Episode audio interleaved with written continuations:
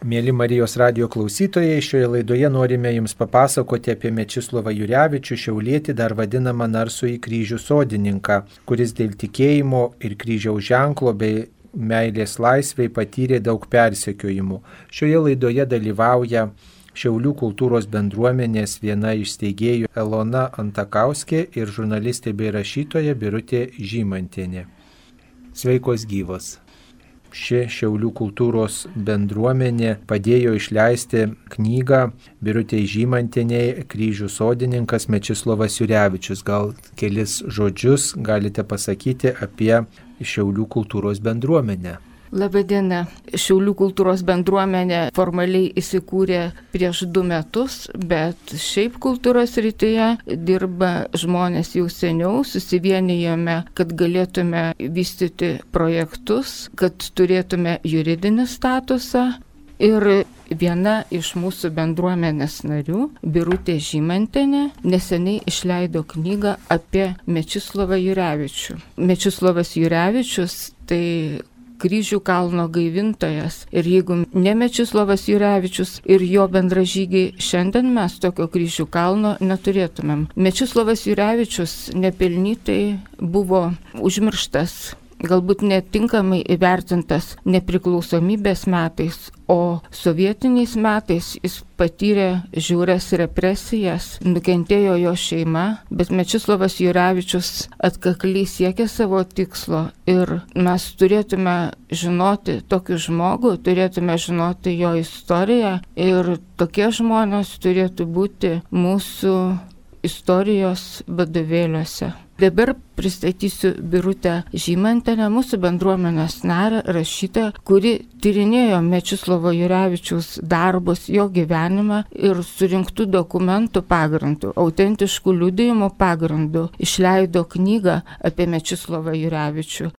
Taip, o kodėl knygai, mėla Birutė, pasirinkote tokį pavadinimą - kryžių sodininkas? Iš tiesų, tai tą pavadinimą pasiūlė Mečislovo bendražygis ir kaimynas ir draugas viso gyvenimo Kazimieras Alminas, todėl kad Mečislovas kryžių statė ne tik kryžių kalne, ne tik pakelėse, bet e, anot Kazimiero ir į žmonių širdis. Mečislovo svajonė buvo, kad kiekvienas krikščionis, kiekvienas katalikas padarytų kad ir menkutį darbą, bet vardan Lietuvos, kad ji nepražūtų su savo kalba, kultūra, tikėjimu, religija. Ir todėl kryžių sodininkas sąmoningai pavadintas jisai kryžių sodininku, nes 73 e, metais, kuomet ant visiškai nuniokoto eilinį kartą kryžių kalno e, naktį su bendražygių grupė jisai nunešė pirmąjį kryžių po nuniokojimo, Pažiūrėkit, kiek atšalų išleido šitas kryžius. Kažkada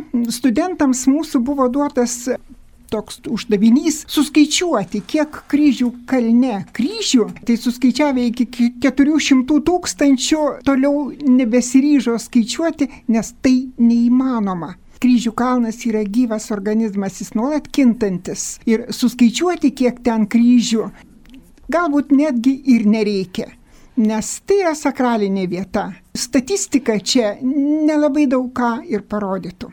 Taigi sodininkas dar ir todėl, kad ten, kur nukirstas kryžius, nugriautas kryžius, vėl išdygdavo kitas. Taip. Ir Mečislovui Jurevičiui tai labai rūpėjo. Kryžiaus šventas visų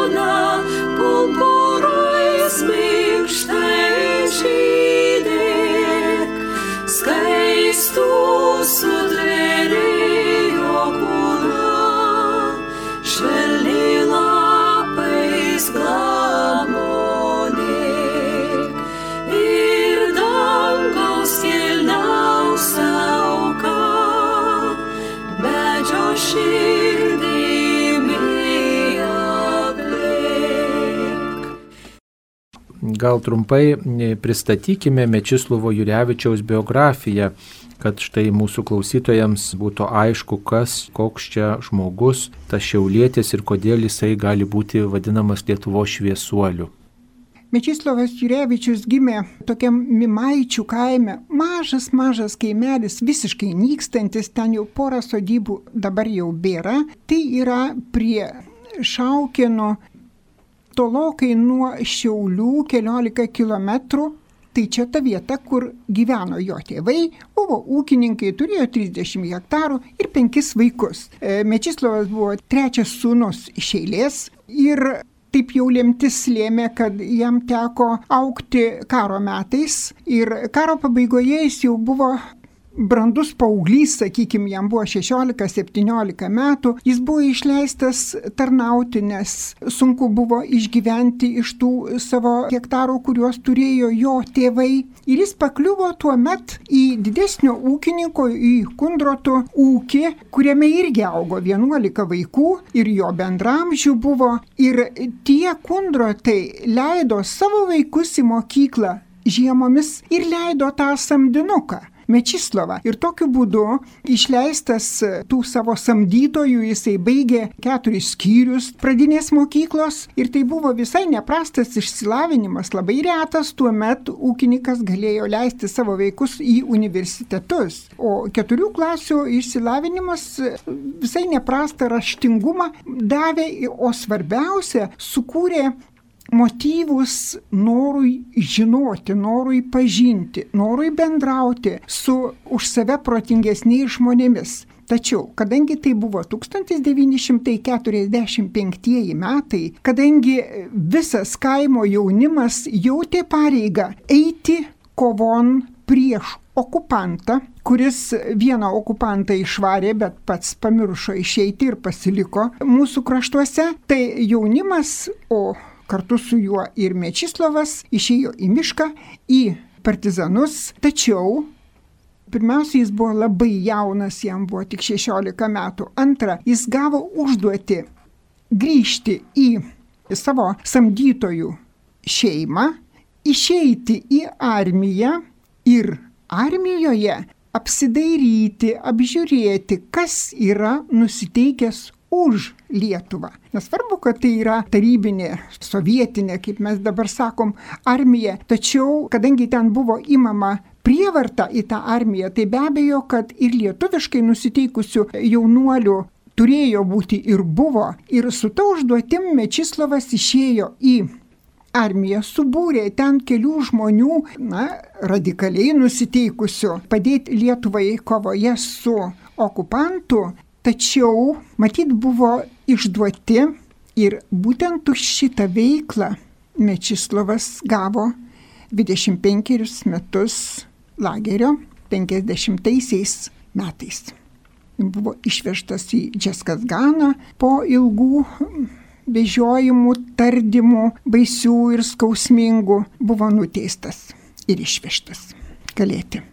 Pirmiausiai, tam pačiam kalėjime, kadangi iš pradžių buvo kriminaliniai ir politiniai laikomi kartu ir tai buvo labai siaubingas atvejis, nes kriminalinių nusikaltelių rankomis susidorodavo lagerių valdžia su politiniais, bet 48 metais buvo atskirti, nes nesibaigė riaušės tuose lageriuose, visokie sukilimai visokie maištai ir todėl valdžia nutarė atskirti kriminalinius nusikaltelius nuo politinių. Ir va štai tada nuo 48 metų prasidėjo tas gyvenimas, apie kokį Mečislovas iš dalies svajojo, nes su juo kartu lageryje liko jo bendraminčiai, bendražygiai, jo kovos draugai. O kadangi Stalino valdžia bandė iš Pabaltijo eliminuoti eruditus, inteligentus, žmonės išsilavinusius, kultūros žmonės, kunigus. Tai ta aplinka Mečislavui buvo universitetai, kaip jis pats ir įvardino, kadangi, sako, aš kiekvieną dieną bendravau su žmonėmis, kurie man turėjo ką pasakyti. Ir man beliko tik tai girdėti, ką jie kalba, kaip jie masto, kaip jie veikia. O kadangi buvau kunigų apsuptyje, tai man patys svarbiausia įspūdį darė tai, kad tikėjimas yra mūsų visko pagrindas. Nes tikintis žmogus turi dešimt Dievo įsakymų kaip kodeksą, vadinasi, jisai negali būti nedoras.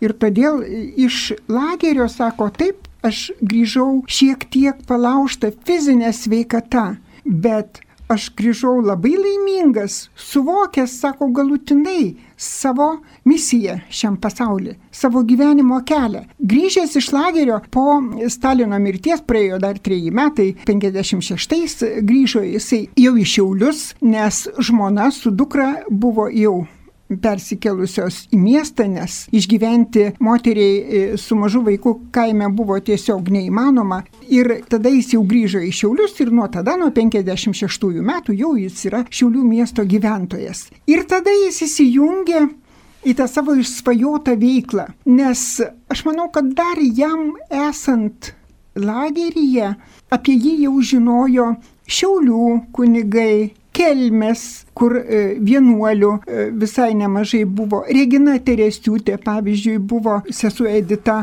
turėtų būti vadinama kaip vienuolė. Nuo pat jo grįžimo iš lagerio jis iš karto išėjo į besikūrenčius tada Euharistijos bičiulius, kurie turėjo daug veiklos sričių.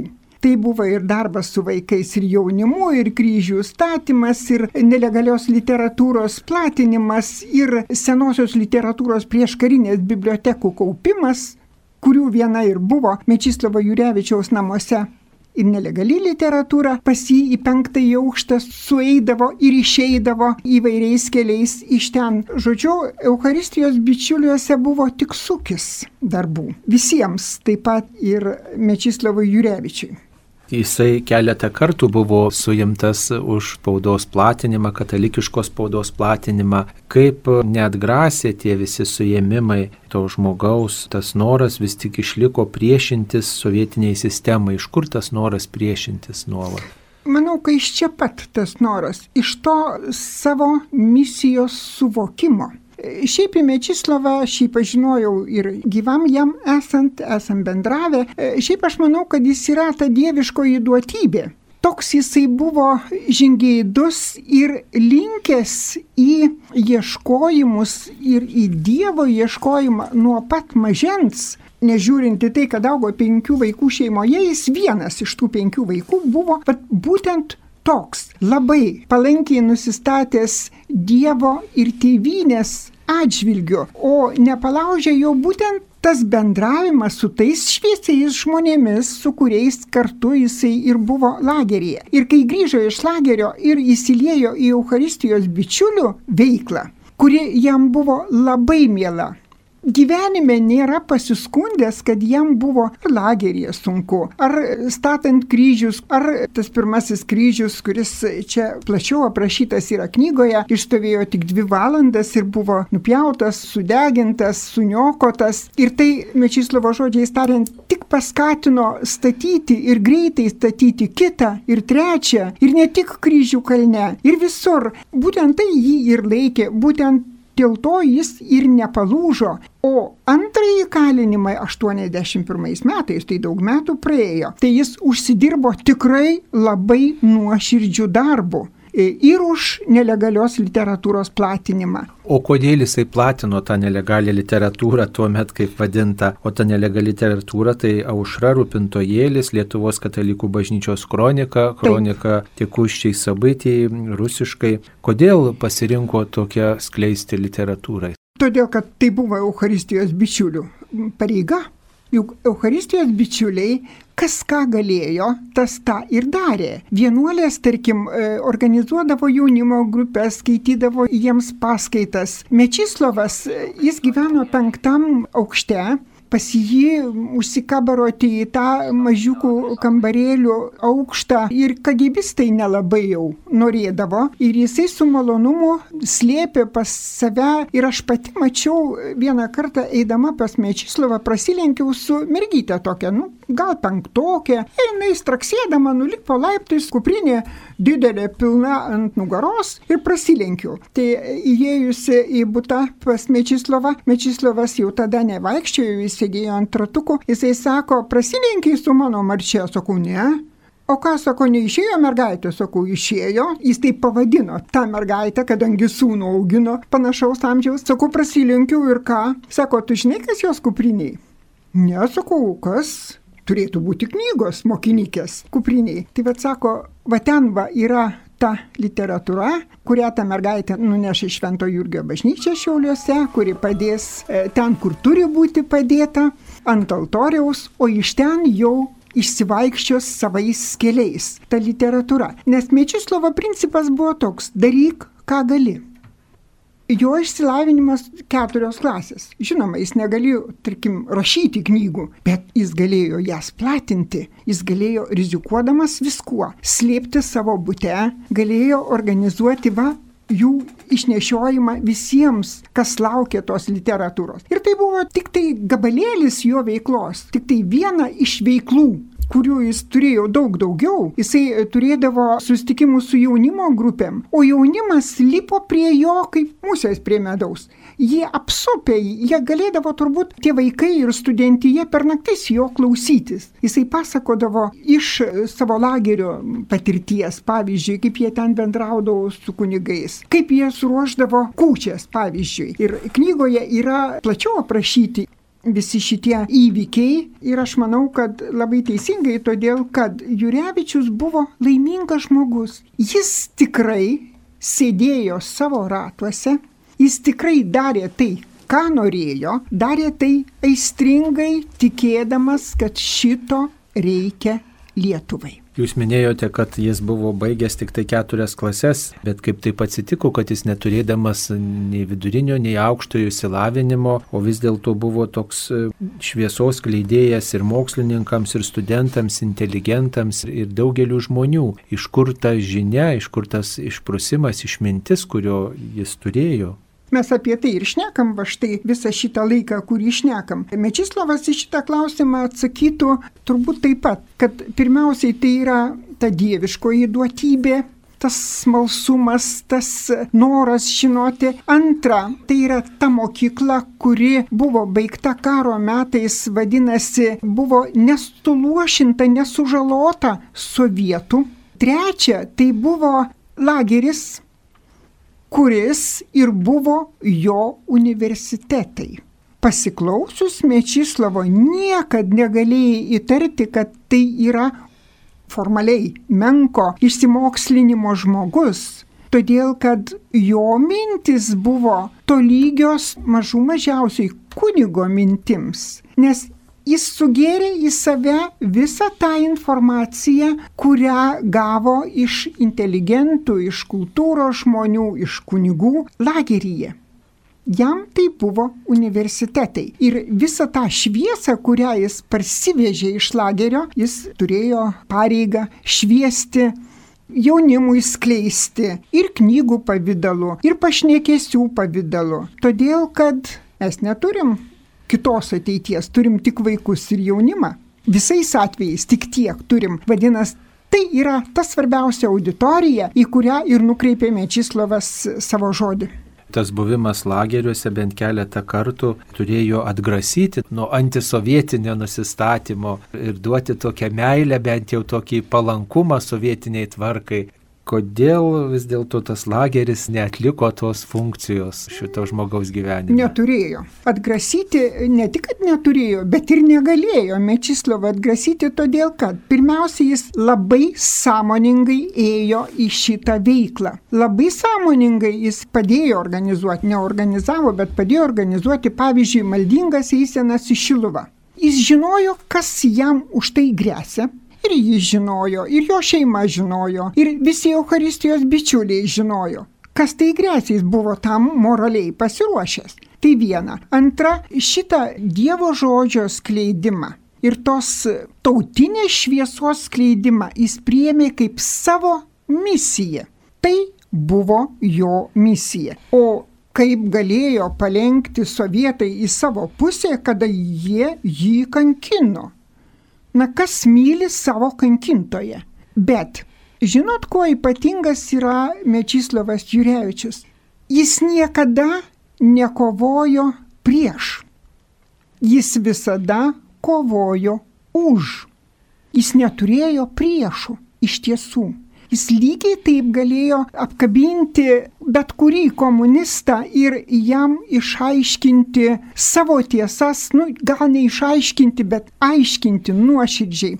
At labai įdomus atvejis. Mūsų ekscelencija, dabartinis Šiaulių vyskupas Eugenijus Bartulis, prieš daug daug metų, prieš daug dešimtmečių, atvažiavo į Radviliškį dirbti kaip jaunas kunigas, kaip klebonas.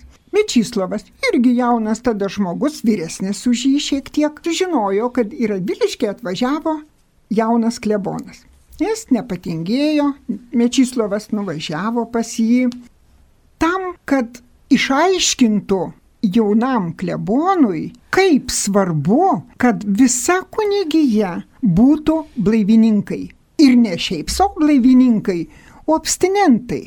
Ir ką jūs manot, Mečislavas šnekėjo, nu, kiek jau jie ten turėjo laiko, gal valandą, gal dvi, ir jam iš karto nepavyko, nes jaunas klebonas Eugenijus Bartulis Palaukit, sako, aš klebonas, man remontai, man statybos, man bendrauti su darbininkais. Nu kaip dabar su tuo darbininku susitarti be butelio? Aš esu priverstas įvaišinti, kad e, kažkokios naudos turėčiau tai pačiai bažnyčiai. Tada Mečislovas palaukęs metus ir nusprendęs, kad galgi vis dėlto apsigalvojo, gal apmastė jo pasiūlymus klebonas Radviliškio, nuvažiavo po metų dar kartą ir jam užteko argumentų išaiškinti jaunam klebonui, kad jis privalo tapti abstinentu. Mūsų ekscelencija šitą patirtį daugybę kartų yra pasakojęs. Jam ta patirtis yra linksma, nes nuo to momento jis tapo abstinentu ir e, pernai šventė 30 tos abstinencijos metų. Ir žinau, kad buvo kažkoks renginys, kad e, ekscelencija būtent papasakojo ir pridėjo nuo savęs, kad jeigu ne Mečislovas Jurevičius, vargu ar jis šiandien būtų ekscelencija. Nes tai, kad jis tapo abstinentu ir įsivaizduokit savo, sako, susitariau su visais darbininkais, jokie darbai nenugriuvo. Tai yra netiesa, kad norint susitarti su darbininkais reikia būtinai juos girdyti. Nereikia, sako, pasirodo. Bet jeigu ne Mečislovas, ar aš būčiau, sako, suvokęs šitai, labai abejoju pasaulietis žmogus tiesiog padarė didelę įtaką dvasininkui, kuris Taip. susižavėjo tuo blaivystės užmoju. Jūs minėjote, kad Mečislovas Jurevičius buvo Lus Euharistijos bičiulių sąjūdžio dalyvis. Kodėl įsijungė Mečislovas Jurevičius į Euharistijos bičiulių sąjūdį? Aš taip manau, kad jis buvo lauktas jo sugrįžimas iš lagerio buvo lauktas, kadangi jisai kalėjo kartu su kunigais, o kunigų tarpusavio ryšys ir esančių kalėjime, ir esančių laisvėje, kai prasidėjo jau po Stalino mirties, kada buvo galima leisti rašyti ne du laiškus per metus, o kiek nori, ir kai prasidėjo va šitas va bendravimas, tai čia laisvėje esantis kunigai, vienuolės jau žinojo, kad tarp jų yra toks labai nuoširdžiai ir šventai pasiruošęs tam Euharistijos darbui, toks Mečislavas Jurevičius. Ir kai tik jis grįžo iš lagerio 56 metais, o kadangi grįžo kartu su juo ir kai kurie profesoriai universiteto, ir kai kurie kunigai, Jis tiesiog tęsė tą darbą, kurį dirbo ir lageryje. Jam čia nebuvo nieko naujo. Jis tiesiog nenutraukė tų ryšių ir, rodo, 71 metais įsikūrė Euharistijos bičiuliai, bet jie įsikūrė žymiai anksčiau, tik tai tada įforminti buvo kaip tokie ir tada jau buvo visiškai aiški ta programa, ką jie veikia, kad jie tyliai ir šventai, be ginklų, be ginčių, be pykčių, kovoja už Lietuvą, organizuodami maldingas keliones platindami literatūrą, organizuodami paskaitas vaikams, pasakodami šventųjų gyvenimus, pasakodami apie tikėjimo ir religijos įtaką žmogaus gyvenimui. Jam tai nebuvo nauja ta veikla. Tas įsijungimas į Euharistijos bičiulius jam nebuvo naujas. Jis tą veiklą pradėjo lageryje ir grįžęs iš jo tiesiog tęsė ją čia. O po antrojo kalinimo, kuriame buvo gavęs trejus metus, tačiau griežto režimo, ką tai reiškia? Griežto režimo sovietiniai lageriai juk buvo mirties lageriai. Ir knyga yra e, parašęs tas išėrėnas Vorkutos, pavyzdžiui, mirties lageriai. Ir iš tiesų tai labai palaužė jo sveikatą fizinę. Jo fizinė sveikata labai palaužė, bet jo dvasios nepalaužė nei kiek.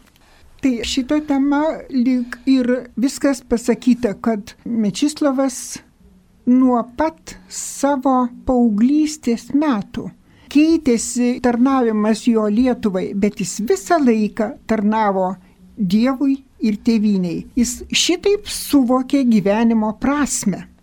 Per tikėjimą, religiją ir kultūrą e, tarnauti Lietuvai kiek įmanoma daugiau šviesos skleisti jaunimui. Viena tokia yra žinoma istorija, kai jisai kalėdamas tiesiog tą atjautą dalindavosi taip pat ir su tais, kurie buvo sunkus nusikaltėliai. Ir net žinoma tokia istorija, kai grįžęs iš kalėjimo ir iš bendraminčių gavęs nedidelę pašalpą, nupirko lašinių dešros ir nusintė į kalėjimą vienam jaunam žmogžudžiui recidivistui ir sakė kitiems, šito žmogaus niekas nemylėjo, jei jis būtų sutikęs mylinčių žmonių, nebūtų tapęs nusikaltėliu.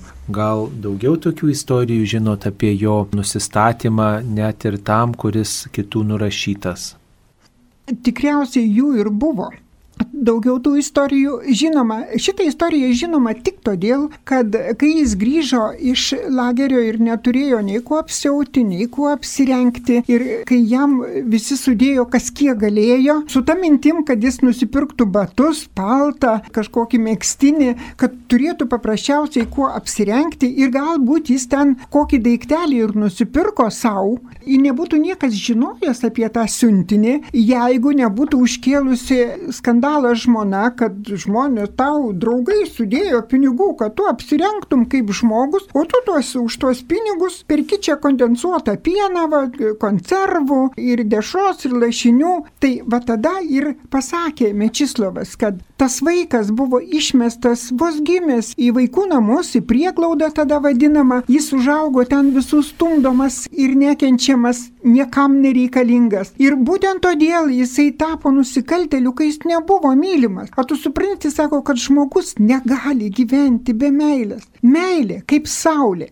Be saulės nėra gyvybės. Ir be meilės nėra doros, nėra žmogaus. Ir sako, nors kada nors, galbūt, sako, aš ir nepakeisiu jo gyvenimo, bet galbūt, kad ir pakeisiu. Jisai turi žinoti, kad bent vienam žmogui šiame pasaulyje yra svarbus, yra reikalingas.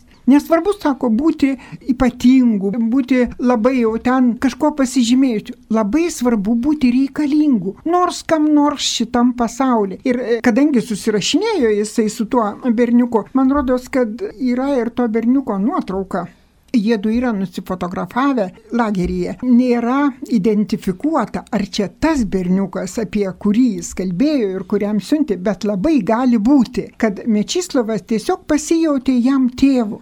Tiesiog jam skaudėjo, kad jaunas žmogus ne tuo keliu eina, kuriuo galėtų ir turėtų eiti. Ir aš manau, kad tas siuntinys buvo ne vienintelis. Bet kadangi Mečislavas pradėjo dirbti, jis jau turėjo savų pinigų, tai jis niekam nesireklamavo, kad jis ten gavęs algą, ką nors nuperka ir nusiunčia tam žmogeliui į lagerį. O apie šitą gražų labai atveju tai ačiū Dievui, kad yra žinoma, todėl kad tas atvejis yra gražus, o tai, kas gražu, visada gali būti pavyzdys ir turi būti.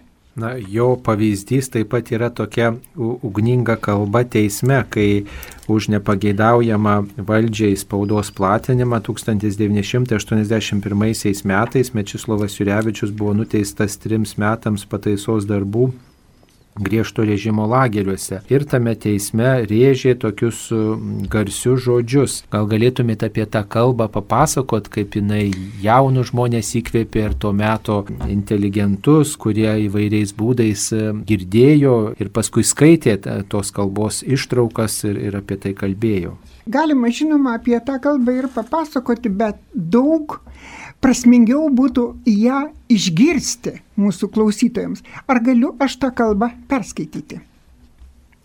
Tai buvo jo paskutinis žodis, kaip taip vadinasi, kai jau po nuosprendžio yra pasiūloma nuteistajam pasakyti savo žodį.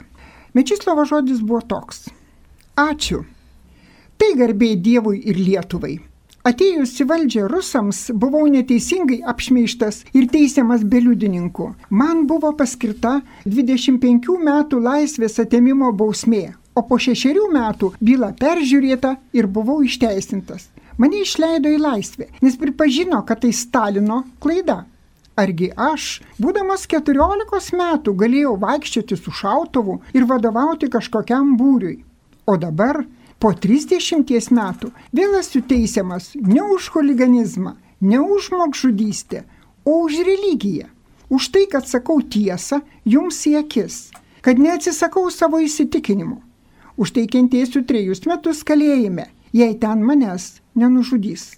Būsiu kartu su žmogžudžiais ir huliganais, nors politiniams kaliniams turėtų būti atskira kolonija. Šiuo metu tik tai kitame Lietuvos mieste teisiamas mano draugas, su kuriuo dalyvavom toje pačioje eisenoje. Širvintuose tuo metu buvo teisiamas Vytautas Vaičiūnas. Tai dar kartą įrodo jūsų bailumą ir nesąmoningai plečia religijos propagavimą, nes už teismo salės durų ir čia, ir ten renkasi mano ir jo draugai. Jie į salę neįleidžiami, nors teismas laikomas atviru. Salėje tik pagal sąrašą įleisti mano giminės, o visi kiti samdyti žiūrovai, saugumo agentai, tame tarpe dauguma rusų, kad nieko nesuprastų. Ir tarp liudininkų nebuvo nei vieno tikinčiojo, visi saugumo darbuotojai ir komunistai. Taip mane teisė mažuma. Net patys marksistai yra surinkę duomenis, kad Lietuvoje yra 30 procentų bedievių ir 70 procentų tikinčiųjų. Ši bedievių mažuma ir teisė mane, nes bijomasi daugumos, bijomasi visų tikinčiųjų. Jei žmogus tikintis, jis bus savo krašto patriotas, tuo sunkiau bus jį nutautinti. Visos mūsų maldininkų eisenos ėjo ne su antitarybiniais šūkiais ar huliganiškais ketinimais, bet su mintimi širdyje - už lietuvių tautos blaivybę ir dorą.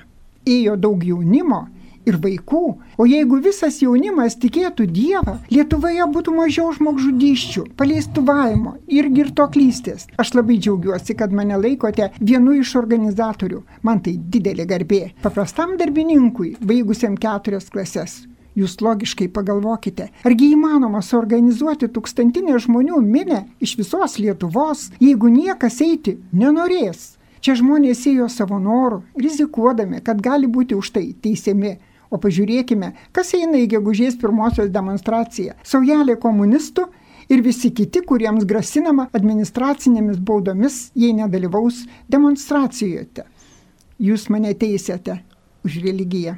Ačiū Jums. Nes tai tik įrodo, kad Lietuvoje atgimsta tikėjimas. Ir tos pačios eisenos įrodo, kad tikinčiųjų daugėja. Net patys liudininkai įrodė, kad anksčiau tokių eisenų nebuvo. Jūs net kryžiaus bijote. Tai liudyja nekarta greunamas kryžių kalnas. Kryžių kalnas nuo 1904 metų buvo puošiamas kryžiais. Jų nei caras negriovė, nei fašistai. Lietuviai pagonys nuo senų laikų čia aukas aukodavo, o kai atėjo rusai, viską nuvertė ir ne kartą, bet kryžių kalnas vis tiek stovi ir kryžių jame daugėja. Žmonės patys niekieno neverčiami neša juos ir stato. Kryžių kalno grėvimas man tik davė impulsą dar labiau tikėti. Aš pirmą kryžių nešiau naktį. Jis egzistavo tik dvi valandas ir buvo nuverstas. Tai paskatino mane nešti dar kartą. Paskui nešiau jau dieną, nieko nebijodamas. Ir pamatysite, kad daug išauks kryžių.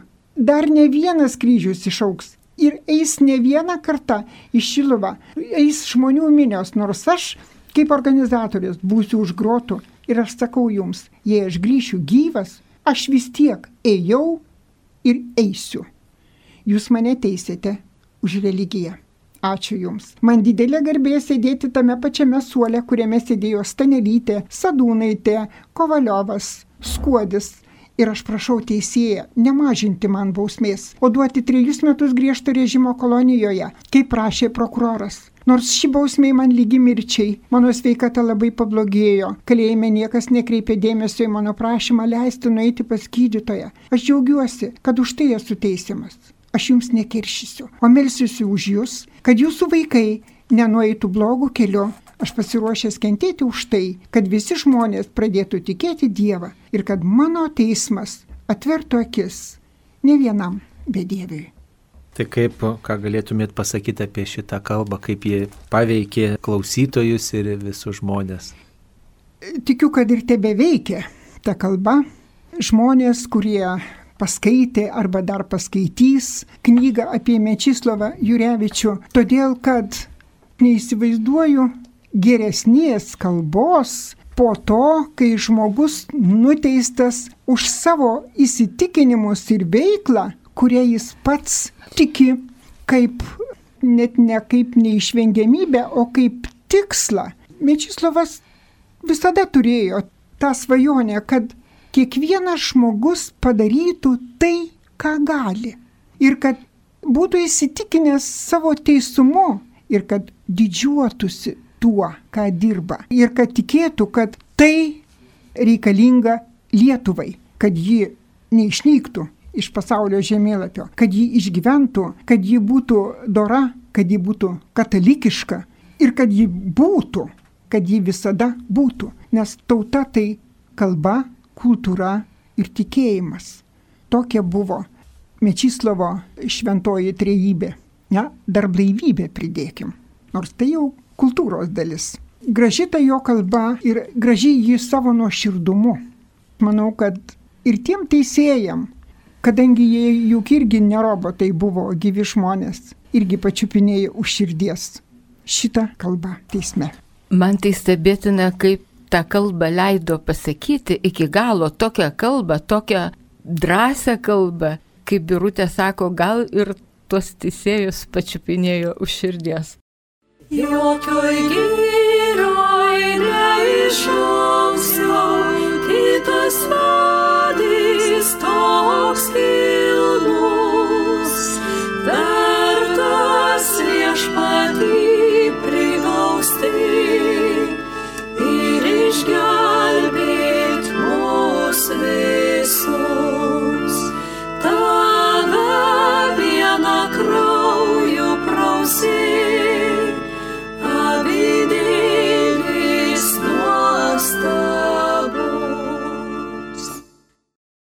Na, dar kviečiu pasidalinti mintimis apie tai, e, kaip šeima reagavo į tokį užmojį Jurevičiaus ginti tikėjimą, ginti persekiojimą bažnyčią, jo artimieji, kokią turėjo jam reikšmę. Žinot, tos nuomonės gana kontroversiškos, kadangi yra žmonių, kurie mano, kad žmona nesuprato Mečislovo, kad jinai protestavo, kad ji nenorėjo, kad jisai užsijimtų šitą veiklą. Bet aš kai pagalvoju iš žmonos pozicijų, tai kuri žmona gali norėti, kad vyras ir vėl sėstų į lagerį, kad jo ir vėl nebūtų, kad jis vėl būtų kankinamas, kad būtų žalojama jo sveikata. Iš žmonos pozicijų, kaip žmonos, ne tik bendražygės, bet ir žmonos, negalėjo, kad ir kažin kaip ten būtų pritarianti jo veiklai, negalėjo žmona norėti, kad žmogus rizikuotų ir vėl sėstų. Ir todėl, kai sako man, kad o, Emilija nesuprato, Emilija nepritarė,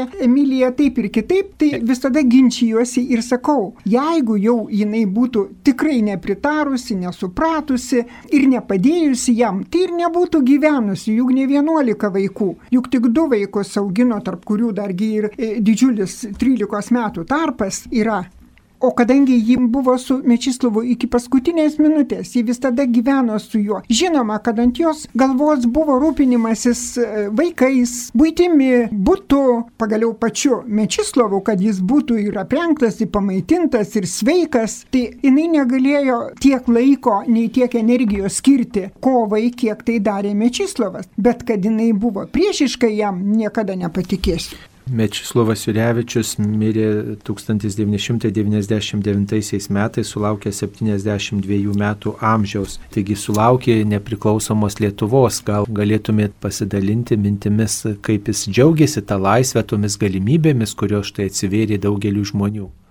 Džiaugiasi labai, bet tuomet jo sveikata jau buvo tokia, kad jisai nebegalėjo nulipti, jo lab užlipti į penktą aukštą. Ir todėl tas jo džiaugsmas ir gyveno jo būte ir jo širdį, nes dalyvauti renginiuose jis nebeturėjo sveikatos. Jo bendražykis Kazimieras, nuo kurio ir pradėjom šneką, nes jo pavadinimas knygos sugalvotas, vertėsi per galvą eidamas per valdžios vyrus ir ponės prašydamas pakeisti iš penkto aukšto į pirmą būtą nieko neprašė duoti, prašė tik pakeisti, kad galėtų Mečislovas bent su lasdelėm ar su invalido vežimėliu išvažiuoti į gryną orą, į kiemą, bet prašyti teko daug, daug metų iki pat 1999 rudens, kai atėjo ta žinia, kad visi popieriai sutvarkyti ir būtas bus pakeistas, Mečislovas jau buvo ligoniniai, ir iš jos nebegrįžo.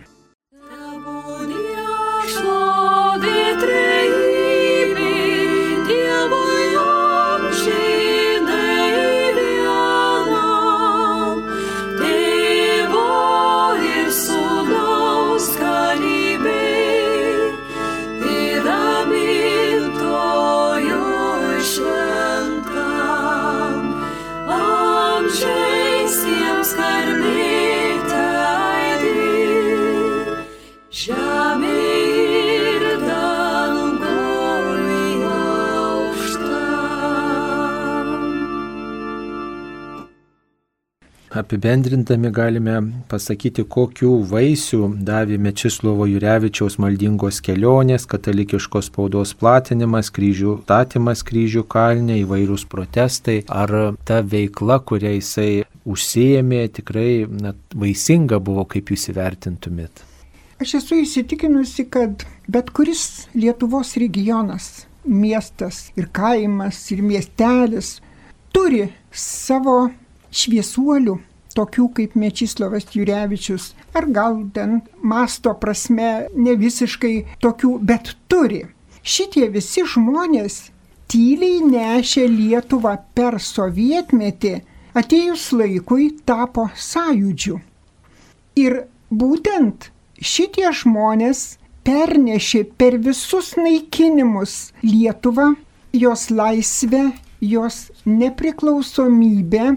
Ir vienintelė problema, kuri ištiko mūsų valstybę, yra ta, kad sąjūdžio žmonės, va tie kovotojai už nepriklausomybę, neturėjo tolesnės programos. Bet manau, kad jeigu ne Mečislavas Jurevičius ir jo bendraminčiai, bendražygiai visoji Lietuvoje, Lietuva šiandien nebūtų nepriklausoma. Esu įsitikinus. Taigi, mėly Marijos radio klausytojai, šioje laidoje jums pasakojome apie Mečislovą Jurevičių, Šiaulietį, dar vadinamą Narsų į kryžių sodininką, kuris e, buvo uolus sovietmečių kryžių statytojas, protestuotojas prieš sovietinę sistemą, pogrindinės katalikiškos literatūros platintojas ir daugelio žmonių gynėjas. E, Šioje laidoje jums kalbėjo Elona Antakauskė ir Birutė Žymantienė, kurios domisi Mečislovo Jurevičiaus darbais. Jas kalbina už kunigas Saulis Bužauskas. Ačiū sudie.